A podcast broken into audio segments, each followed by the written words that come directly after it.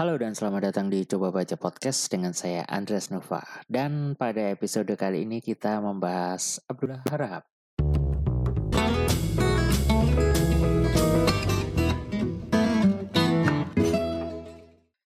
Jadi jelang Halloween kayaknya asik kalau kita ngobrolin uh, hal-hal horor kayak gitu. Salah satu buku sastra yang temanya horor itu kan uh, yang mengusik perhatian itu salah satunya itu kumpulan budak setan yang katanya akan ada episode nomor 2 cuma udah dari tiga tahun yang lalu. Tiga apa dua tahun yang lalu ya Van ya? Udah lama.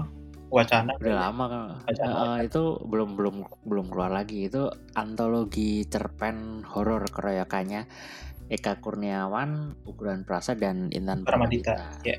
Uh, aku sebenarnya penasarannya karena si Ugo sih vokalisnya Melby daripada Eka atau Intan yang udah terkenal sebagai penulis kan waktu itu. Hmm. Nah, okay. pas baca buku ini itu uh, baru tahu kalau ini itu semacam tribut buat Abdullah Harahap. Ini kayaknya tribut sastra pertama ya, tribut uh, pernah pernah ada buku sejenis nggak sih yang tribut buat penulis siapa gitu? Siapa ya? Aku tahunya ini sama oh, belum uh, Seno, Seno Gumira itu ada. Belum tahu. Perihal sen, perihal senja apa apa gitu. Ya. Kayaknya ada gitu. Nah kok bisa Abdullah Harap itu dibuatkan tribut oleh penulis macam Eka dan Intan dan Ugo kayak gitu kan luar biasa sekali berarti sosok ini kayak gitu loh Yes. Dan yang menyebalkan, ini yang aku sebel dari pendokumentasian di Indonesia itu cari info soal Pak Abdullah Harahap ini lumayan susah karena infonya bahkan di Wikipedia itu kayak kopas semua antara satu web dan web lain kayak gitu loh. Ya, Jadi semacam Mm -mm, jadi semua, satu artikel yang sama terus Indonesia itu seperti itu deh terus, itu. Jadi bayangannya kan uh, Abdullah Harahap ini adalah kayak semacam cult writer untuk genre-genre horror gitu kan. Hmm. Kalau Ivan apa Zara sendiri tahu Abdullah Harahap itu dari mana? Um, kalau aku mungkin juga dari sumber yang sama ya kayak Eka Kurniawan. Tapi bukan dari antologi itu aku bahkan tahu itu yang sebelum si antologi itu hadir. Aku tahunya itu tuh dari blognya Eka langsung zaman. Yang ini yang Eka Kurniawan. Eka .net. Dot, .net bukan yang bukan yang .com yang .net. Sekarang udah dihapus sekarang sudah dihapus. Itu ada di ininya nggak ya di bukunya yang kumpulan esainya Eka itu loh. Nah, harusnya ada sih kalau ngambil dari situ. Nah itu adanya karena saya tidak mau membeli dan saya punya, nah. saya bisa mengarsip arsipkannya. Jadi dapat itu. Karena saya belum membuka, jadi saya nggak tahu isinya. itu, itu surga banget itu. Oh, jadi buat gitu 2016-2017 itu surga banget baca blog-blognya Eka. Karena ya antara buat tugas kuliah an atau antara ya buat sotoy-sotoyan soal sastra Indonesia dan sastra dunia. Kan di sana kan banyak banget tuh nama-nama. Iya, nama-nama yang Basindo banget ya mas? Iya dong. Kayak nama-nama Ruki Murakami. Basindo dan Basindo eh bukan Basindo maaf tadi saya mana sih? Oh ya di sana kan aku dapat banget nama-nama yang mungkin beberapa dari mereka jadi penulis favorit tuh kayak Murakami, terus Edgar Keret, Marquez, atau orang Pamuk. Nah di sana juga ada tuh untuk nama sastra Indonesia kan ya kita cukup tahu lah nama-nama mainstream di perkuliahan itu udah tahu. Nah, nah ada satu nama yang buatku ini asing tapi karena perbincangan soal buku dan sastra di perbincangan buku sastra ini nama ini jarang disebut atau aku mungkin kurang referensi. Tapi Eka ini di blognya itu Eka itu sempat nulis artikel soal Abdullah Harahap ya udah namanya itu Abdullah Harahap dia itu sem sampai dua tiga kali kalau nggak salah. Dan hmm. oke okay, dari dari penjabarannya aku itu ngerasa oke okay, ternyata ini nama yang cukup penting nama yang menarik dan cukup penting buatku. Ya karena sampai detik ini aja aku kayak nggak nggak begitu banyak buku horor yang bisa memuaskan aku. Seperti aku nonton film horor ya adalah nama-nama yang populer yang mungkin bisa ditemui di toko-toko buku. Tapi kok ya aku baca-baca ya ini horor-horor buat anak sekolah horor-horor bocah gitu. Bukan horor yang seperti yang, yang gue ekspektasikan. Nah begitu nama Abdullah Harap ini muncul wah ini kabar baik nih. Terus berapa bulan kemudian aku nemuin buku-bukunya di gudang Gramedia gitu. Setahun dua tahun lalu kalau nggak salah. Yang ditajem itu ya, ya yang harga lima ribu rupiah oh, masih segel yes dan ternyata di Gramedia digital juga ada buku-buku beliau lumayan banyak lah. Ada berapa? Gitu lupa. Jadi kalau tadi mau baca tulisan Eka tentang Abdullah Rahab yang semula ada di blog itu ternyata ada di buku senyap yang lebih nyaring terbitannya Jirca oke ayo. Kita lama sponsor ini. Eh, ayo. sponsor ini. Halo penerbit. Halaman lima. Halo penerbit. Kami butuh sponsor. Eh, kan katanya mau habis nih stoknya Uh, terus kalau cetak ulang nanti akan ganti cover yang jadi ada ada dua bukunya. Dua buku esainya Eka di Circa aku kemarin pas main ke sana ngobrol sama Mas Tia juga. Katanya uh, ada rencana untuk ganti cover. Dan aku pakai cover yang pertama ini keren banget. Kalau Lara apakah tahu dari Eka Kurniawan juga? Apa dari mana ini Oh enggak mas, kalau aku. Jadi kalau aku itu pertama kali dengar nama Abdul Harap itu sekitar zaman SMP mungkin ya, tas sekitar tahun 2012, 2013-an. Zaman-zaman itu tuh Cepet kamu ya? Pas tahun itu zaman-zaman aku dikejar skripsi. aku masih SMP, masih kecil gitu. Jadi cepet Jadi, Zara ya kenalnya ya? iya, malah, malah duluan dia. Iya, aku aja 2017 tahu beliau. Berarti aku paling muda gitu ya. Nah, zaman zaman zaman zaman uh, SMP itu aku kayak okay. sering gitu pergi ke perpus terutama pas jam istirahat. Bukan karena aku rajin ya tapi karena di jam istirahat kedua itu biasanya uang jajanku udah habis dihabisin pas jam istirahat pertama gitu. Saya kamu sering menyelundupkan cemilan ke dalam kelas pasti. Kok tahu sih? Gorengan sambil gurunya ngomel apa gitu. Aduh. Terus terus, terus uh, akhirnya dari kunjunganku ke perpus setiap kali jam istirahat kedua itu akhirnya aku kayak kenal beberapa nama misalnya kayak Mara Rusli terus YB Bangun Wijaya terus Abdul Muiz Sapardi nah termasuk si Abdul Harap ini tapi karena oh. buku-buku oh. beliau yang terdisplay di rak itu kayak buku-buku horor gitu kan dari cover sama judulnya udah kelihatan terus aku ini hmm. uh, tipe apa sih siswi penakut gitu loh. Apalagi kan zaman dulu sering ter apa terdengar kabar tentang apa keangkeran gedung perpustakaan gitu ya. Jadi aku memang nggak berani baca buku-buku Abdul Harahap gitu. Dan buku-buku Abdul Harahap tunggu tunggu jadi itu ada di uh, zaman SMP zaman SMP untung kamu nggak baca. Karena masih belum lolos sensor untuk anak SMP kah atau gimana? Eh tapi itu ajaib ya perpustakaan SMP eh? Abdul Rahab ajaib belum mengingat isinya 21 plus juga. Mungkin iya di SMP mungkin karena nggak nggak nggak cermat ya pus, per, apa pustakawannya mungkin nggak uh, sampai ke arah sensor kali ya mungkin. Nggak baca sih bukan karena oh, ya, mungkin juga cuma ini sih apa menerima uh, sumbangan. sumbangan dari betul. Dari yang dan kayak ya aku yang heran yang aku heran dari perusahaan sekolahku tuh kayak mereka itu memuat uh, apa ya mendisplay buku-buku tuh yang nggak nggak selayaknya dibaca anak SMP gitu loh. Bahkan SM aku aja nggak mendi mendisplay buku-buku kayak misalkan uh, Siti Nurbaya atau buku-buku dengan uh, apa kekuatan ideologi misalkan kayak sastra-sastra lama. Tapi di, di SMP ku justru ada gitu. Termasuk bukunya Abdul Rahab. SMP-nya open minded luar biasa baik progresif. Nah terus uh, zaman SMP tuh aku kan cukup menghindari buku-buku Abdul Harhab ya karena aku penakut itu. Nah, terus kemudian uh, suatu hari Mas Nova ngajak ngobrolin Abdullah Harhab untuk coba baca uh, coba baca episode Halloween. Nah, dari situlah perjumpaan pertamaku dengan karya Abdullah Harhab sebenarnya karena ya aku ini cukup uh, cemen dan tidak berani baca horor. Jadi ketika kamu baca serem nggak? Sebenarnya nggak semengerikan itu bahkan tadinya ketika Mas ketika Mas Nova bilang ya, uh, ayo coba baca kita bahas karya Abdul Harap. Terus aku uh, dap dapat buku itu kan apa namanya Misteri Kalung Setan aku kayak aku harus baca ini ketika siang apalagi itu kan posisi di kosan jadi kayak hmm. uh, aku harus baca siang-siang. Tapi ternyata ketika dibaca ya nggak semengerikan itu okay. gitu loh. Cuma cover yang serem ya. Iya ilustrasinya keren sih ilustratornya keren banget ini. Uh, jadi buat teman-teman yang mendengarkan itu eh, yang kita bahas kali ini Abdullah Harahap itu seorang penulis novel horor misteri. Nah, Abdullah Harahap ini lahir di Sipirok, Tapanuli Selatan 17 Juli 43. Wow, Di Wikipedia banget ini. belum kemerdekaan. Iya, dan Oh. dia sebelum nulis misteri itu dia nulis roman percintaan. Oh, Jadi kayak yang itu ya? Iya, kamu makanya harusnya baca Stupid in Love sama Beauty of Itu Fear. nggak ada di rak itu rak SMP ku. I- Judul, judulnya iya, enggak, ini judulnya mencurigakan itu. judulnya. ada di Gramedia digital.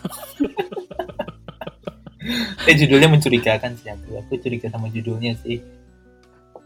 Terus eh, si Abdul Harap ini kan dia wartawan, jadi apa ya? Kak, aku, aku tuh merasa yang yang aku baca di sebagai bahan obrolan kita kali ini itu itu perjalanan karirnya Abdul Harap. Jadi dia itu wartawan seperempat abad lebih kan 65 95 Hmm. Hmm.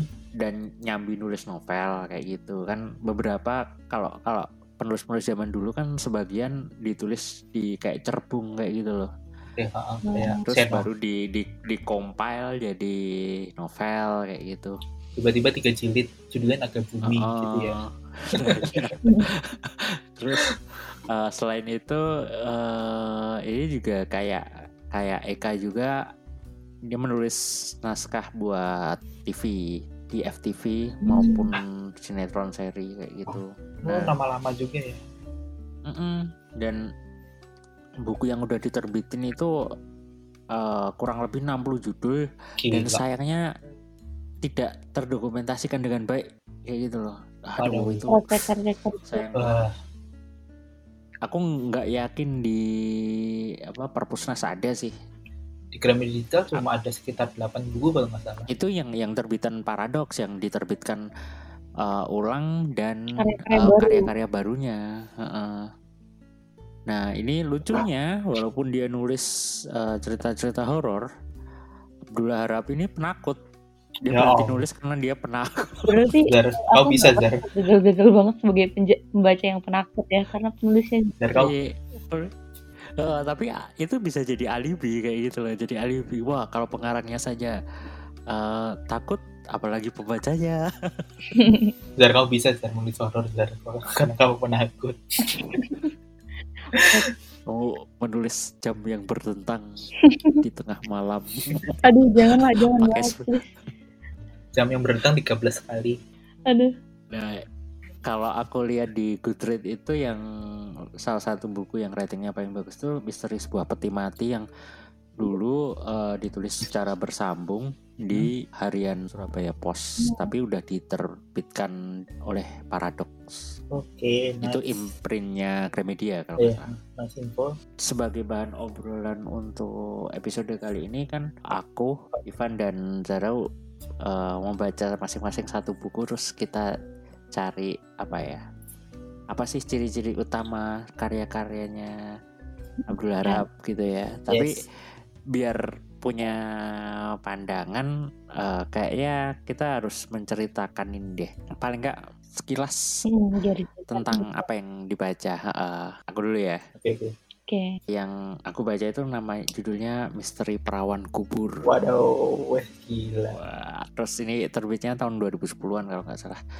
Ini kayaknya salah satu karya baru sih dan ceritanya itu eh, soal hantu yang muncul dari cerita fiksi yang ditulis tokoh utamanya. Nama tokoh utamanya itu Raman Ramandita. Menarik. Ya Ramandita. cewek yang Jadi cowok. oh cowok Raman Udah. di Raman itu cowok dong. cantik ya namanya. Panggilannya Dita.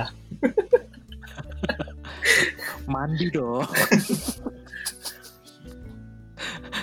dan tokoh utamanya ini kan memang kayak jurnalis eh, kum penulis novel atau cerbung kayak gitu Hmm. dia nulis misteri nah akhir novelnya tuh sok-sokan cliffhanger gantung kayak gitu kan Hmm, nah terus ah, hantunya itu ya dia minta balas dendam karena ceritanya gantung kan. Kan anjing. makanya Anjing aku juga. bingung ini, ini ini ini hantunya ini protagonis apa antagonis? Kalau kalau protagonis kok motifnya balas dendam kayak orang-orang yang apa tokoh-tokoh tipikal tokoh-tokoh antagonis kan ya. Wah, terus kalau antagonis kok yang didendami sama dia itu kok lebih pantas jadi antagonis kayak gitu dan tentu saja kalau membahas cerita misteri endingnya juga gak terduga oke kita nggak usah bicarakan itu ya.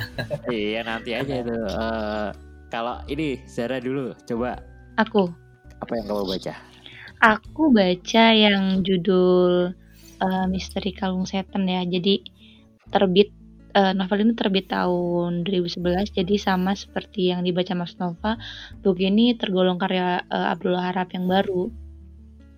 Kalau secara ringkas sih novel ini cerita tentang hmm, apa ya? Sebenarnya ag- agak kompleks juga sih ceritanya. Jadi tuh ada sepasang suami istri gitu, namanya Eliza sama Anton gitu. Terus mereka punya anak, anaknya namanya Amelia. Nah, eh, apa? Suatu hari itu, suatu malam, Eliza itu ditemukan mati secara misterius dengan tubuh yang menghitam gosong gitu.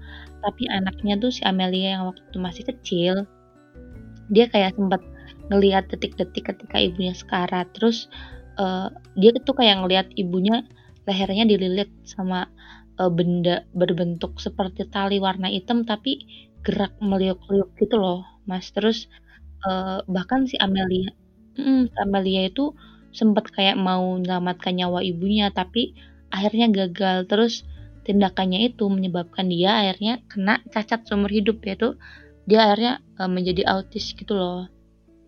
Wih, Terus aduh. ya gitu, ya gitu deh kayak eh, di bagian akhir aku akhirnya tahu sih kalau dalang dari eh, semua kejadian ini adalah si Antonnya sendiri itu yang menyebabkan eh, istrinya mati. Anton nama lama sekali loh itu.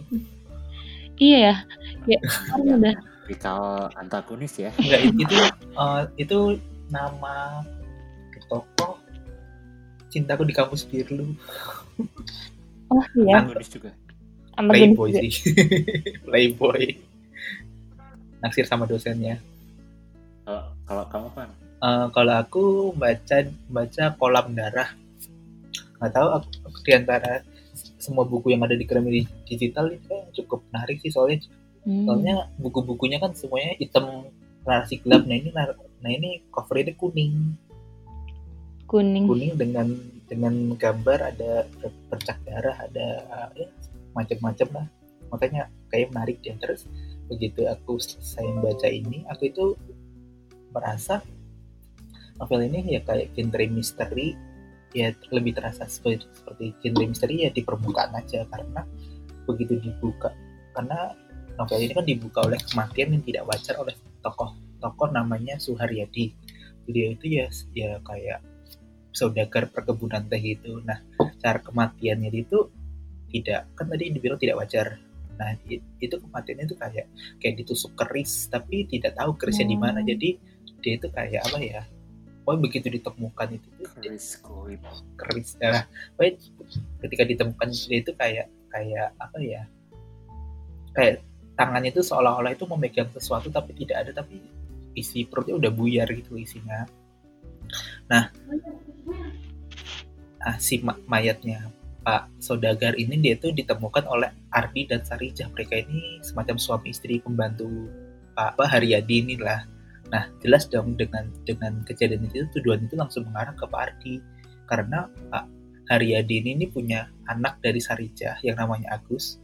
Dia itu menaruh nama Agus ini sebagai salah satu pewaris hartanya. Jadi, nah serunya adalah jadi Pak Har- Haryadi ini sebenarnya dibunuh oleh arwah namanya Angga Direja yang mana itu adalah juragan besar ya semacam kakek buyutnya dari Pak Haryadi ini. Jadi kesannya waduh ini kayak sebuah cerita antara cerita misteri antara drama drama keluarga terus atau juga kayak ya udah cerita horor supranatural seperti tadi dibilang. Makanya ya mungkin ya seperti, seperti yang dibilang Zara kompleks ceritanya sih.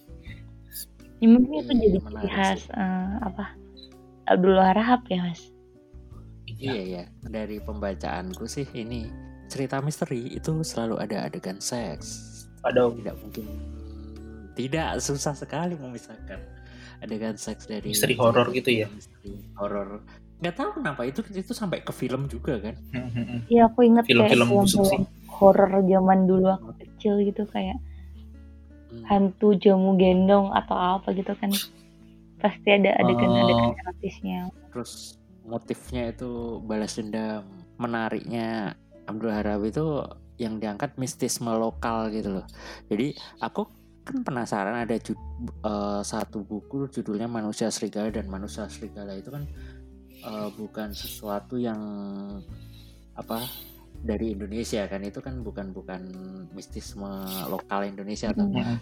Tapi dia bisa bikin ceritanya sedemikian rupa dibawa ke khasanah kearifan lokal jadi Jadi ma- manusia serigala ma- versi lokal gitu ya. di Indonesia kan kayaknya nggak ada serigala ya. Oh. ada serigala. Sinetron ada sih. Sinetron. Eh, iya iya itu.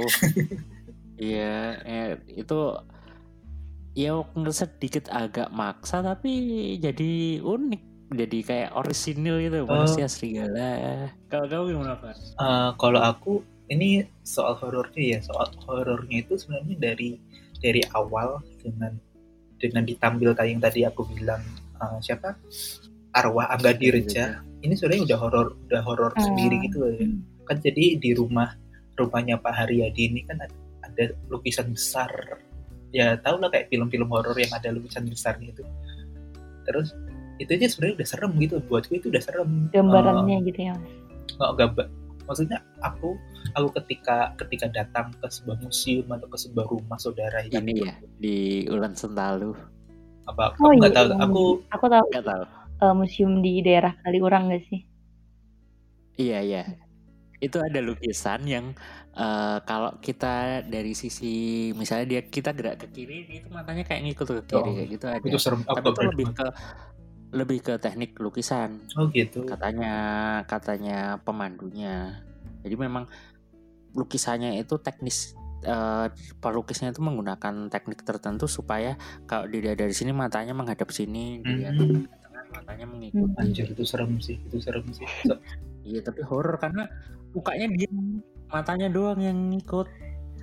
Iya kalau orang yang nggak tahu itu teknik pelukisan kan pasti serem sendiri ngeliat. lah lah aku aja kayak ke ke Jakarta kan ada kota tua di kota tua itu ada beberapa museum salah satunya museum boneka. Nah di museum boneka bagian boneka Eropa waduh Eropa itu kan bonekanya itu ciri-cirinya matanya besar besar besar dan hitam. Wow itu kayak aku aku aku cukup deh sekali ke sana udah kayak gak berani ya soalnya kayak rasa apa ya ketika melihat ada mata besar yang yang seolah diam aja itu kayak aku merasa mata-mata itu kayak mengawasi gerak-gerik siapa pun yang ada di sana gitu loh. Nah, itu perasaan yang mungkin hadir ke, di tokoh-tokohnya eh, dalam ceritanya Abdul Rahab. Jadi ada semacam ada kayak penggambaran narasi kalau eh, matanya ini seolah-olah ini tengah mengamati orang-orangnya atau senyum tipis. Maksudnya kan itu lukisannya si si siapa Angga Direja kan dia tersenyum tipis. Itu aja kayak menimbulkan kesan kalau si juragan besar ini nih tengah menikmati segala tindakan yang ada di rumah itu. Itu aja itu, itu udah horor sih walaupun Jadi aku bahkan yang Seluruh- dengerin pun kayak merinding gitu loh mas.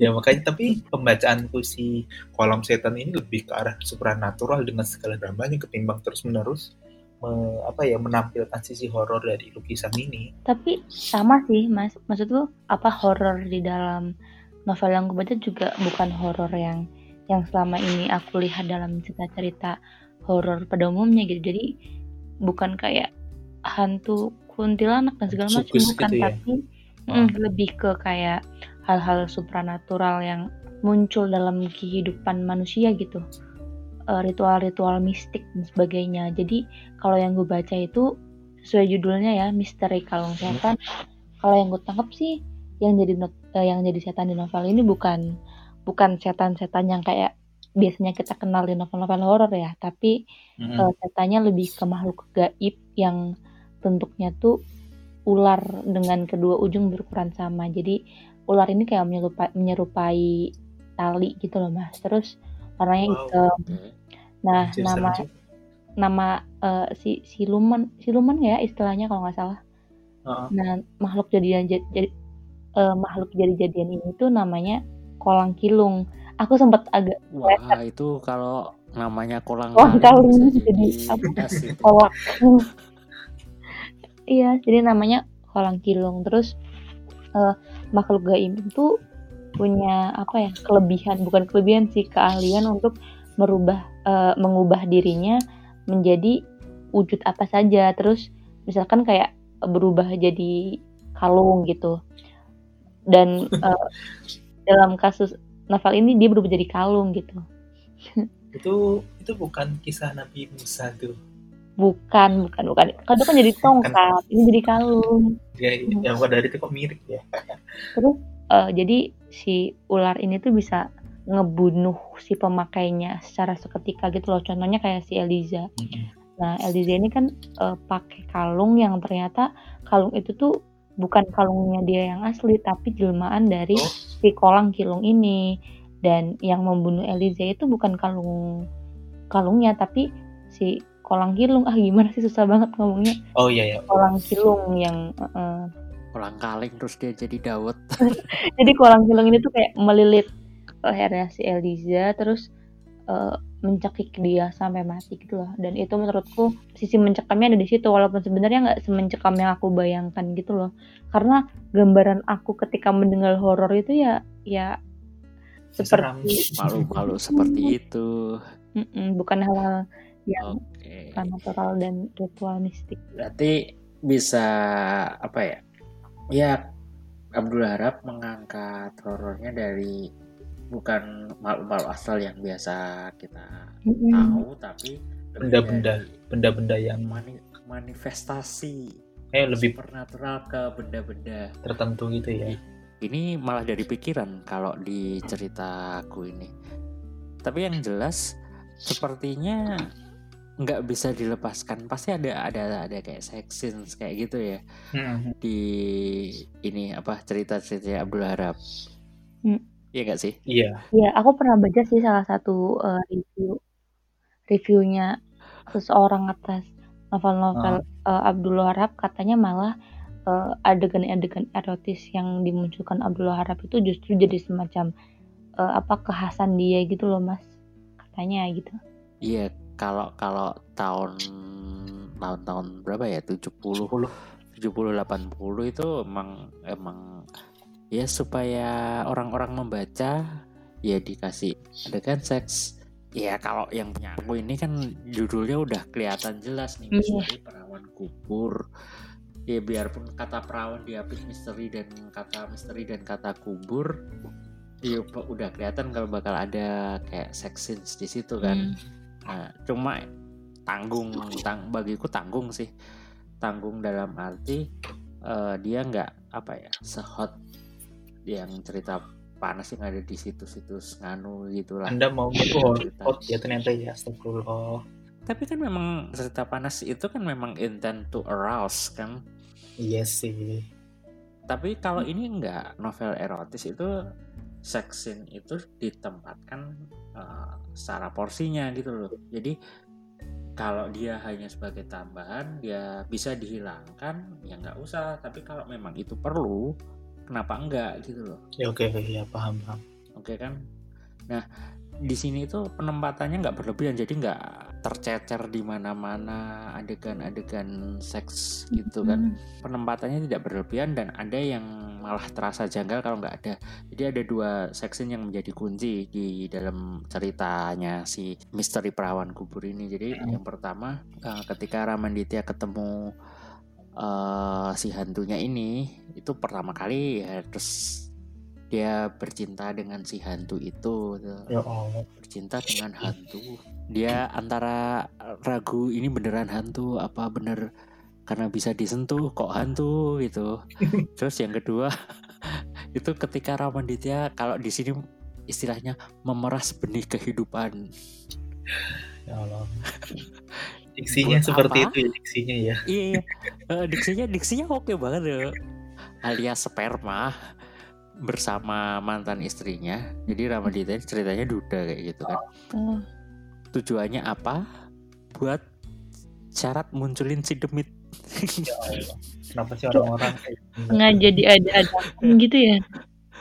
Eh, jadi yang motif kedua ini motif adegan kedua ini agak maksa sih tapi ya ya gimana kalau dukunnya nyaratin kayak gitu Tapi emang sih mungkin ada beberapa dukun yang dukun Eh, persyaratannya gitu kan kita nggak tahu ya.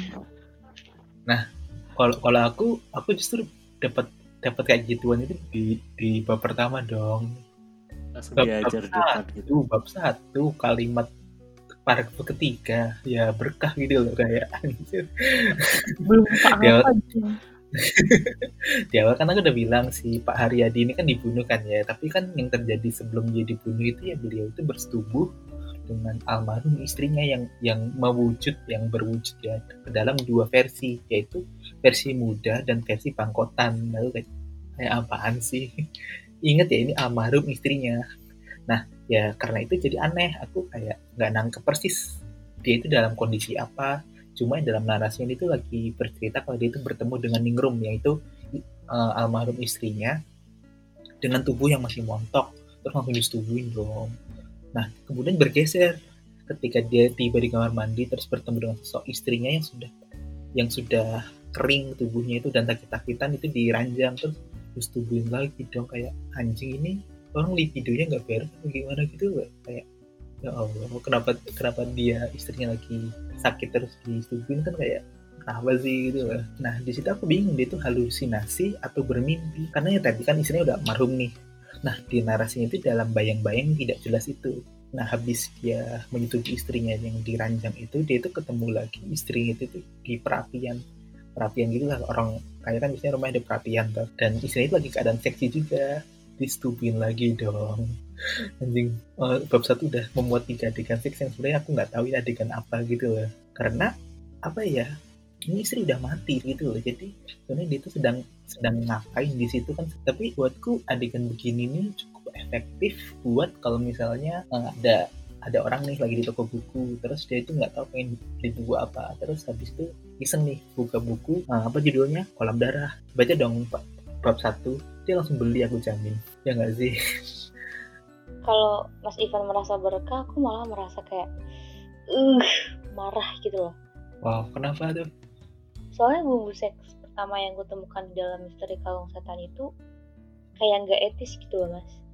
Ya masa Oke. seorang ayah menyetubui anaknya dan ini posisinya tuh si anak menderita sakit mental gitu loh mas. Gimana? Anjing ini kejahatan. kandung ya ini berarti Iya anak kandung. Kejahatan anak sih itu. wow. kejahatan ini serius terus terus Iya, jadi ceritanya tuh eh, kan aku udah bilang toh tadi di atas bahwa eh, ketika ibunya sekarat dililit oleh kalung yang ternyata itu adalah kolang kolang kalung. Orang kaling ya itu. Kolang kalung apa? Itu anaknya yang namanya Amelia itu sempat ngegigit si ular itu terus eh, dia kayak berubah jadi autis gitu loh. Nah, sampai dia ya sampai dia tumbuh jadi dewasa pun mentalnya agak terbelakang. Jadi dia kalau jalan agak meliuk-meliuk terus kalau ngomong itu dia nggak bisa jelas cuma bisa mendesis kayak suara ular gitu. Karena si anjing Eh, serem sih. Iya karena si si ularnya ini masuk ke dalam tubuhnya. Nah terus eh, hal itu menyebabkan si Amelia itu sering ngalamin kejang-kejang gitu loh. Jadi Ih. eh, suatu hari ini apa epilepsi?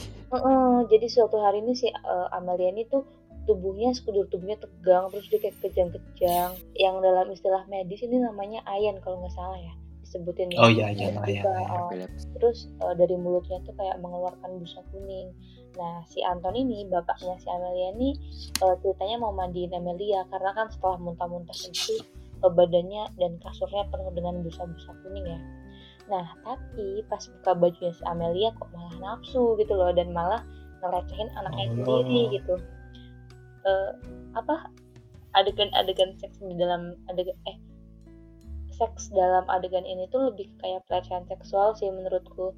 Soalnya harassment sih kekerasan ya. Ya yes. pas aku baca tuh kayak muarah pol karena Amelia tuh kan punya gangguan mental ya dan ia tuh gak bisa ngomong. Maka dia nggak bisa melakukan penolakan kalau misal diperlakukan seperti itu. Dan ini kayak kok bapaknya tega gitu loh. Soalnya iya anaknya kayak gitu tega mengeksploitasi tubuh anaknya yang anaknya tuh gak berdaya terus ya gitu uh, di Anjir bagian juga ya ternyata ya. Tapi itu pasti ada adegan lain selain itu kan? iya Bapaknya dengan perempuan lain itu kalau biasanya kan kayak gitu.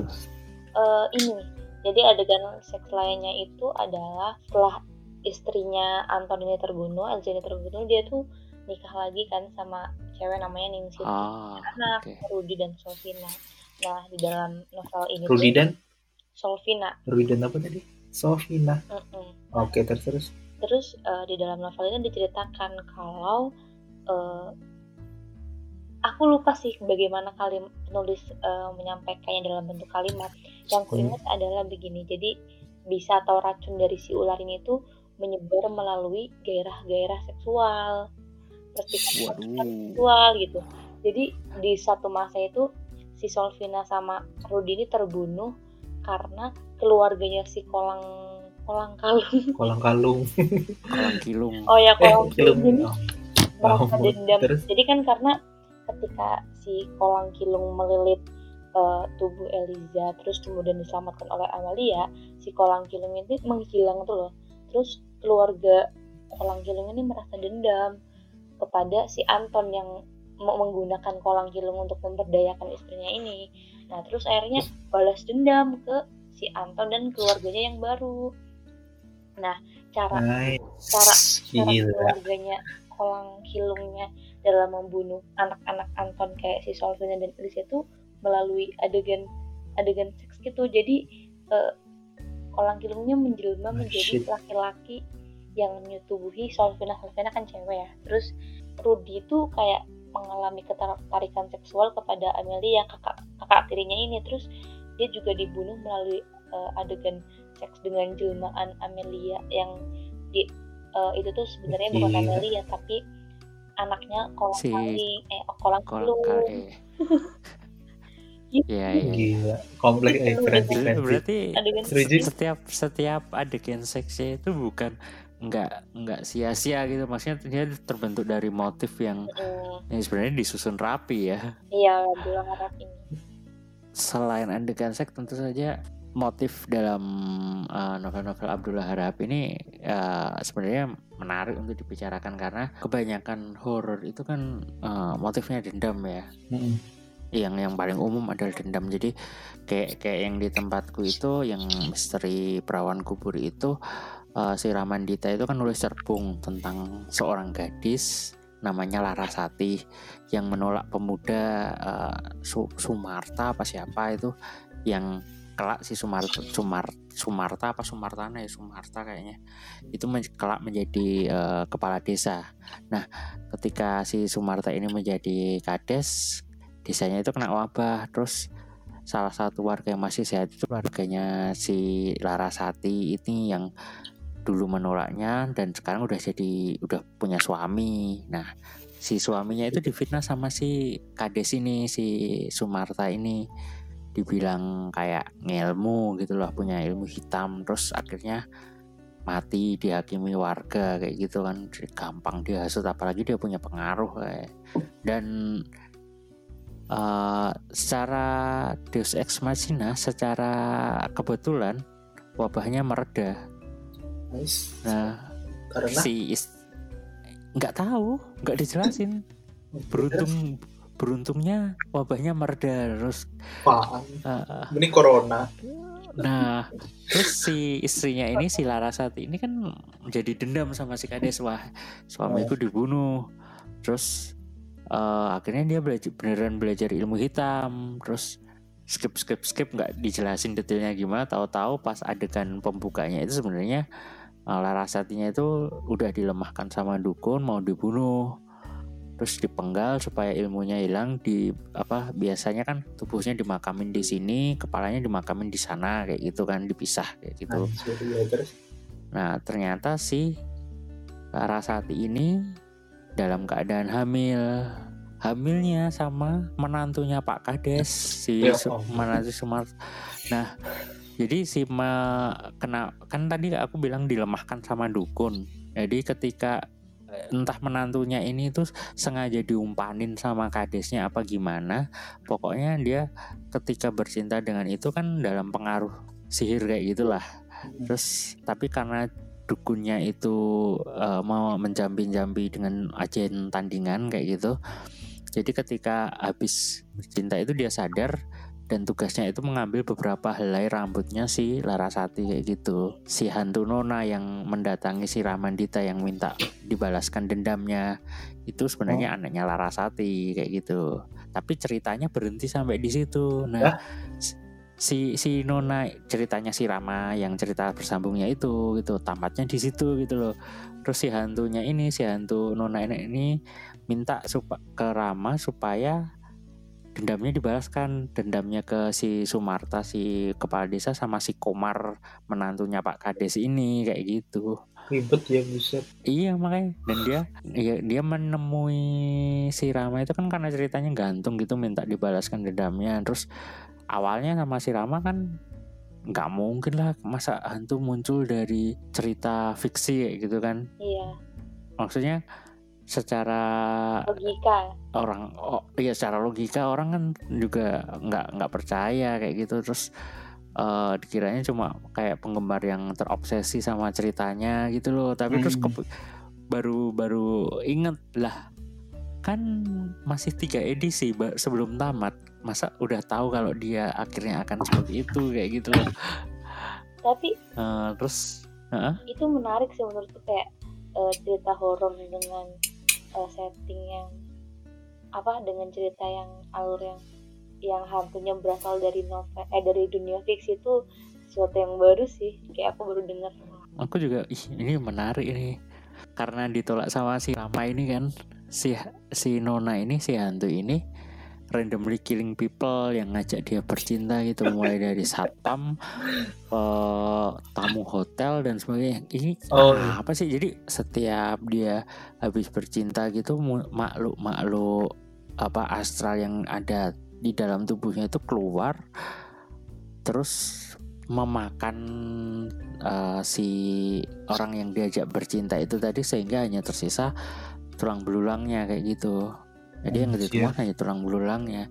Dan ini adalah ciri khas ilmu hitamnya yang dipelajari oleh uh, si Larasati, ibunya si Nona ini kayak gitu.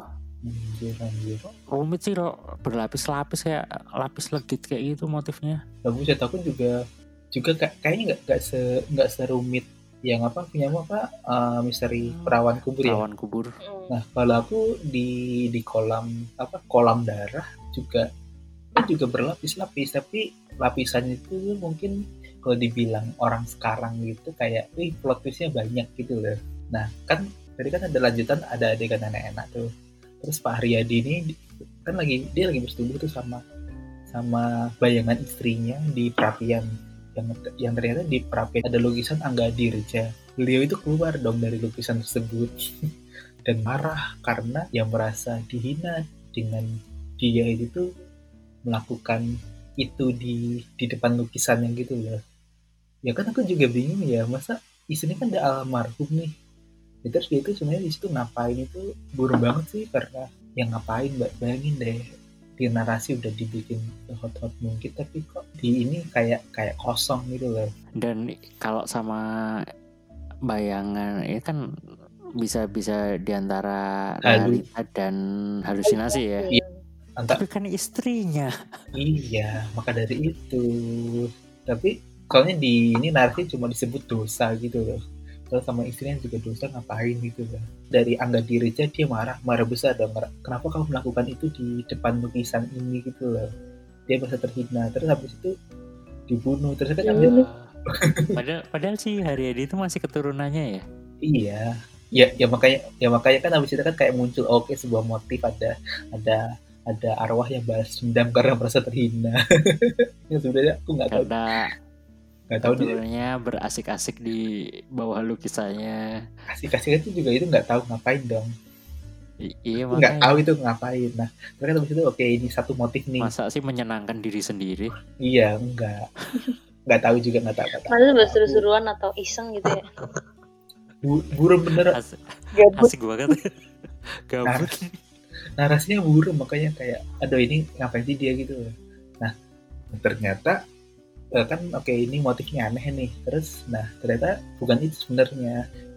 Dengan dengan tertuduhnya Pak Ardi kan tadi aku udah bilang ditemukan oleh pembantunya yaitu Pak Ardi kan. Nah jadi Hmm. motif baru nih. Motif barunya kayak kayak semacam ada tadi dibilang di awal kayak kayak apa perebutan warisan itu loh.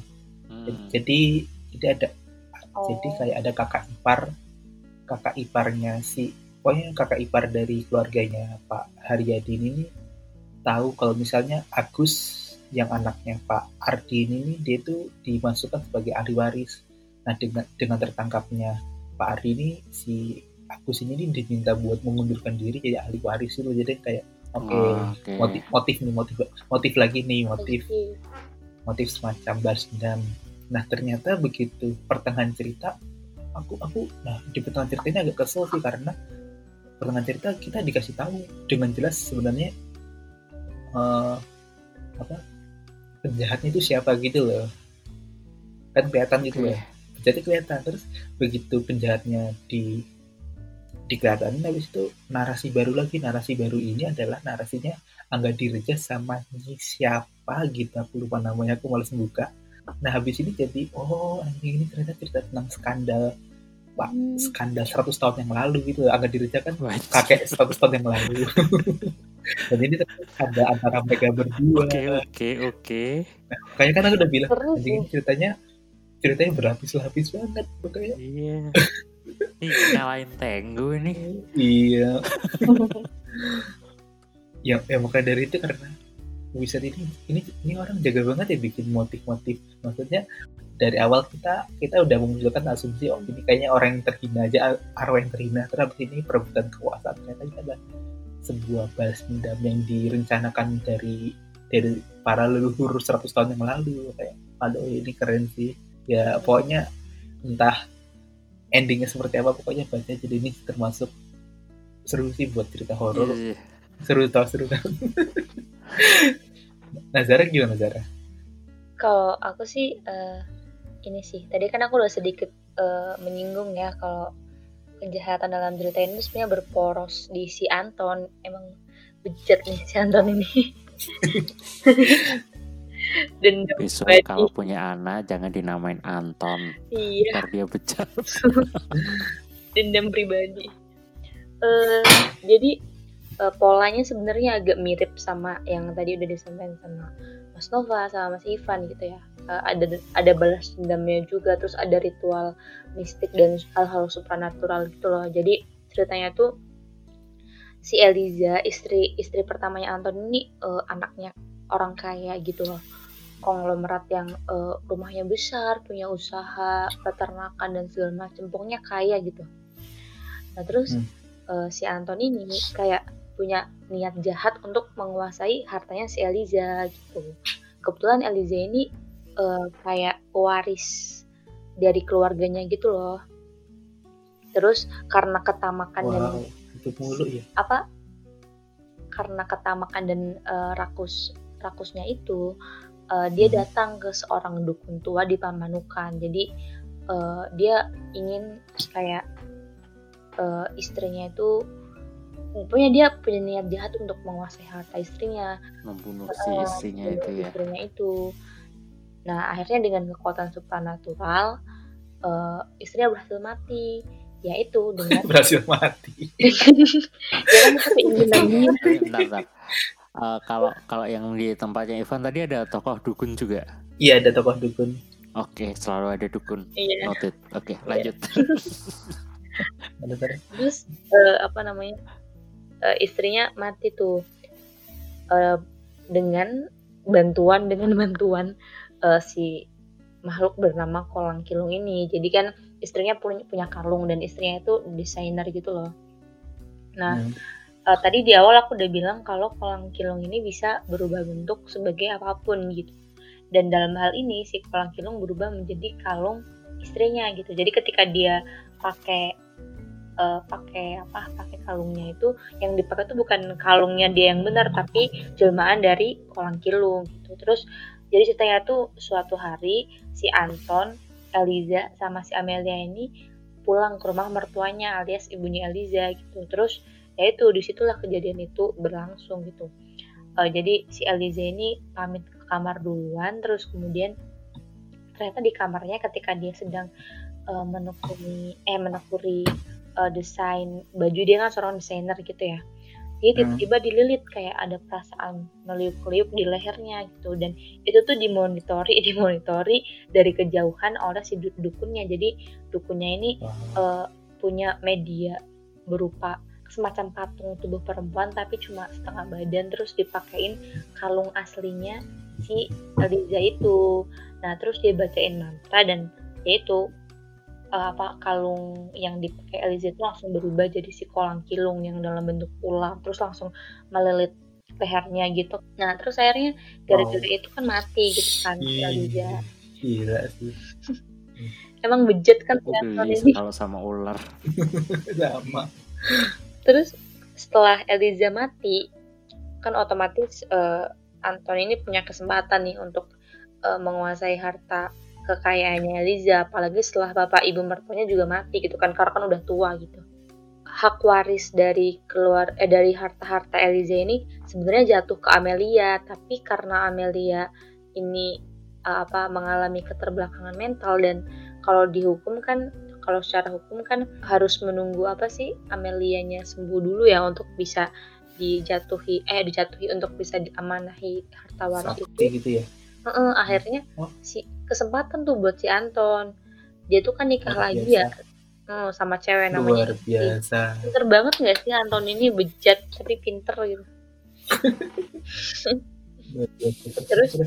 Nah istrinya itu nggak kalah rakus tuh sama si Antonnya. Terus mereka itu kayak pindah ke rumahnya eh, mertuanya Anton dari istri yang pertama alias bapak ibunya Eliza ini. Terus mereka kayak menguasai hartanya rumah besar itu terus peternakannya dan segala macem gitu.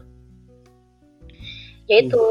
eh, tapi akhirnya si Anton ini kena getahnya juga gitu akibat perbuatan bejat dia. Jadi ketika ketika dia ketika proses pembunuhan wah, proses pembunuhan Eliza ini kan eh, menggunakan medium kolang kilung ya terus eh, Hmm. si Amelia sempat selamatin ibunya tuh jadi kolang kilungnya tuh berhasil membunuh Eliza tapi dia nggak bisa balik lagi ke dukunnya akhirnya mendekam mendekam di tubuhnya Amelia gitu nah ini kan membuat anggota keluarganya si Kolang Kilung yang merupakan bangsa ular gitu merasa dendam kepada Anton.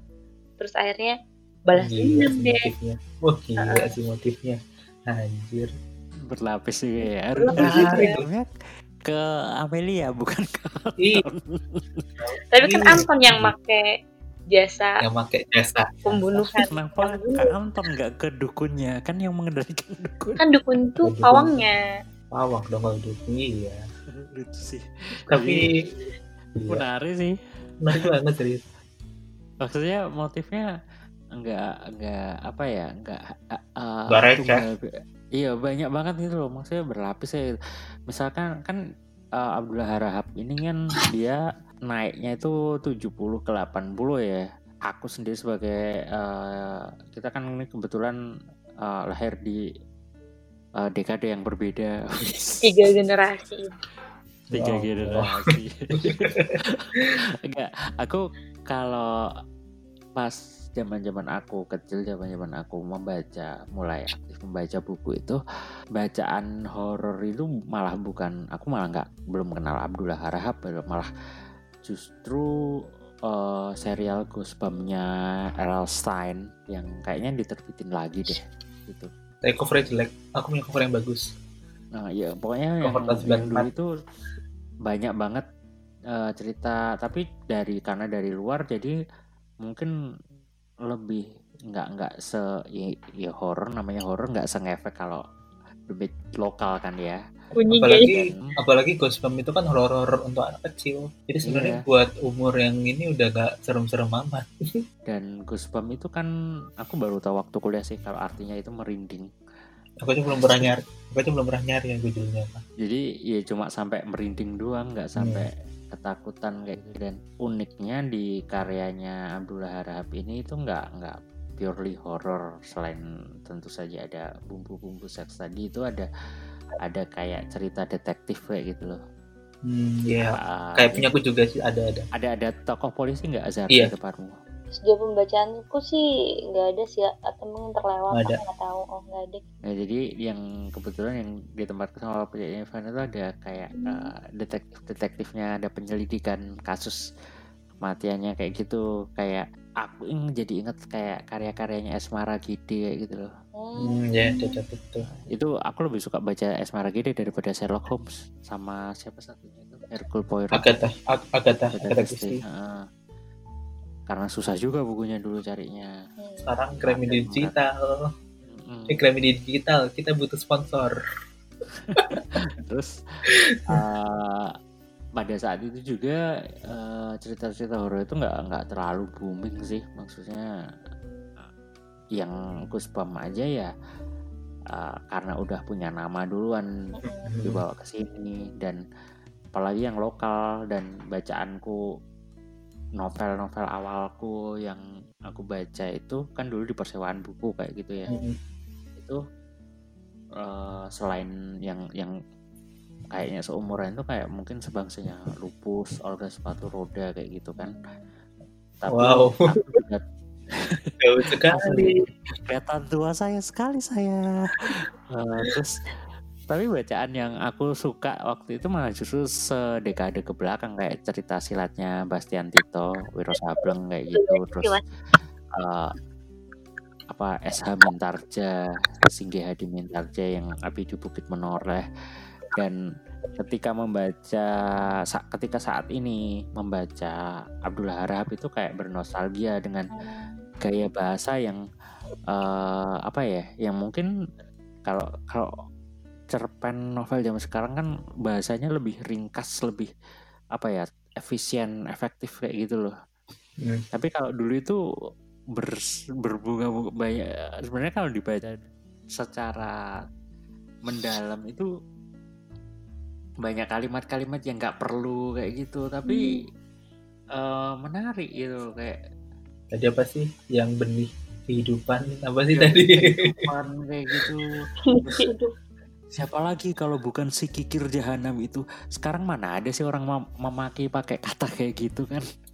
Si kikir jahanam terus apa? Ya jadi yang yang yang menarik ini ini sih. Jadi kan ini. Lalu Aki Juhari Aki Juhari ini dukunya menjelaskan bagaimana benih kehidupan yang masih baru dan masih segar itu bisa mereka dapatkan dan bagaimana mereka memanfaatkannya. Sekarang tergantung pada Nak Rama sendiri dengan siapa Nak Rama ingin bersetubuh? Katanya mengakhiri. Kata wah enak. Kok enak? Komentarnya jadi ada polisinya itu kan nimbrung kan terus polisinya itu komentarnya wah enak. Robinson tarikan mendengus keras. Lantas dijemputnya singkong rebus sepotong lagi dengan bernafsu. Jadi sebenarnya banyak banyak kata-kata yang apa ya berbunga-bunga bertele-tele tapi eh, justru itu kayaknya menjadi kayak jadi ciri khas Ciri khas. eh, cerita-cerita pada zaman Artefak, itu kayak gitu Macam- semacam artefak gitu ya. sekarang aku coba kamu baca eh, apa ya eh, cerita detektif yang modern sama kalau ada sih aku, aku seingatku itu nggak ada sih sama Asmara Gede yang eh, Apa sih misteri apa itu aku lupa. misteri apa itu ada Perkawinan maut. Genre yang long lasting kayak genre horor eh, yang Abdullah Harab dengan apa ya kayak sekarang itu kayak KKN di desa Ponari itu Iya sih punya artefak masing-masing gitu ya. Heeh, jadi punya punya ciri sendiri dan membaca karya-karya yang diterbitkan ini kan selain mengangkat nama uh, Abdullah Harahap yang ya kayaknya nggak banyak orang kenal. Terus ya untungnya di dalam tanda kutip diselamatkan oleh Eka Kurniawan kayak gitu loh. Dengan Iya, tribute ini juga ya. Ah, dengan tribute dengan dengan dia menulis membahas uh, karya Abdul Harahap. Kayaknya Agus Nur juga suka Abdul Harahap juga sih setahu kalau kamu gimana Van? Sebagai anak tahun ya tertua kedua di podcast ini. Jalan. Eh, aku aku apa ya sepembacaan kedua novel harap kan udah baca yang apa misteri kubur langsung udah baca atau perang kubur tapi emang udah lupa karena ter di pembacaan ini aku aku pikir cerita-cerita beliau itu kayak kayak semacam bentuk yang cukup ideal gitu loh untuk ditiru sebagai cerita horor karena uh, tadi kita udah obrolin gitu ya. uh, tadi kita udah obrolin bagaimana beliau itu tuh merangkai sebuah lapisan-lapisan motif sebuah apa ya hal-hal yang kita itu kayak ah serius nih gini ah serius nih gini. Hal-hal yang itu yang yang justru itu antara itu sebagai cerita genre detektif atau cerita terus digabung sama cerita misteri sama cerita natu supranatural itu jadi semuanya jadi cukup dengan cukup baik walau masih apa ya kayak ada kekurangan sana sini lah. Soalnya aku merasa cerita-cerita horor kan emang agak mandek nggak nggak mandek juga tapi ada banyak tapi emang kualitasnya nggak bagus-bagus amat gitu loh menurutku. Nah tapi di tengah mandek yang kualitas itu film horor Indonesia juga sekarang lagi cukup oke okay gitu tiga tahun terakhir kayak pengabisipan dari Joko Anwar, Pocong Origin, Sunyi, Sebelum Inggris Menjemput, uh, Ratu Ilmu Hitam atau Kafir gitu kayak Pocong Origin emang ada Pocong KW apa ya? Eh, serius Pocong Origin itu termasuk film horor yang bagus banget kalau aku. Tapi aku nggak pernah nonton kata nggak berani mas. jangan nonton itu soalnya kamu eh kamu itu daerah Sunda bukan sih itu? Itu soalnya pocong itu pocong apa? Kok pocong apa? Di situ itu nggak cuma pocong, di situ banyak banyak hantu-hantu Nusantara gitu. Jadi hmm. kamu kerasa itu sangat-sangat dekat gitu loh. Jadi aku aku mikirnya ada please ada lagi dong buku horor-horor seseru Abdul Harahap itu loh. Soalnya kadang-kadang di toko buku di toko buku kan kita sering lihat nih buku-buku horor itu satu rak itu sebenarnya itu kan satu rak. Kayak ya ya kayak buku-buku Terile itu kan satu rak itu isinya Terile semua ya. Tapi ya. tapi ya segmennya anak-anak sekolah gitu jadi kadang-kadang aku kalau ngelihat ngelihat judulnya atau sekedar membaca sinopsisnya ya kayak semacam reproduksi cerita-cerita horor yang ada tapi di dikelola untuk anak-anak kecil gitu anak-anak sekolah. Makanya kok aku ngerasa pembaca ini aku udah udah jauh gitu. Bukan jauh maksudnya bukan bukan buku yang akan ku bilang bagus itu loh. Soalnya ketika aku datang ke rock itu aku nggak tahu ya kenapa ngerasa kok kayak selera aku bocah banget atau kayak ya jelek banget sih selera aku. Makanya aku itu kayak berharap ini ketimbang aku ini aku lebih berharap aja ya. Jadi berharap ketika aku datang ke rak horor ini ini aku di, dilihat sebagai suka baca horor atau pemberani atau tidak cemen tuh karena ya ya mungkin kesannya itu kayak oh kamu baca Stephen King ya atau kamu habis kan Stephen King kan termasuk raja cerita horor di barat kan.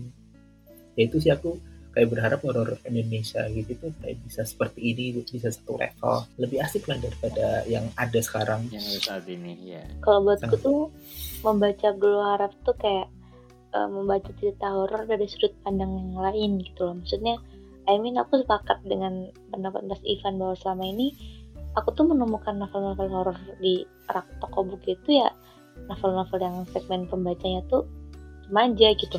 Maksudnya cerita-cerita klise yang hantunya tuh kayak ya itu reproduksi gitu, -gitu aja. Ya ada gitu. hantu apa endemik. Oh yang kayak ya kayak gitu. Misalkan kayak di sekolah gitu. Ya gitu gitulah banyaknya yang yang klise tapi ditulis ulang tulis ulang tulis ulang gitu. Atau paling enggak yang hantu-hantu Belanda gitu ya. Iya handsome. Apa sih itu? Aku lupa.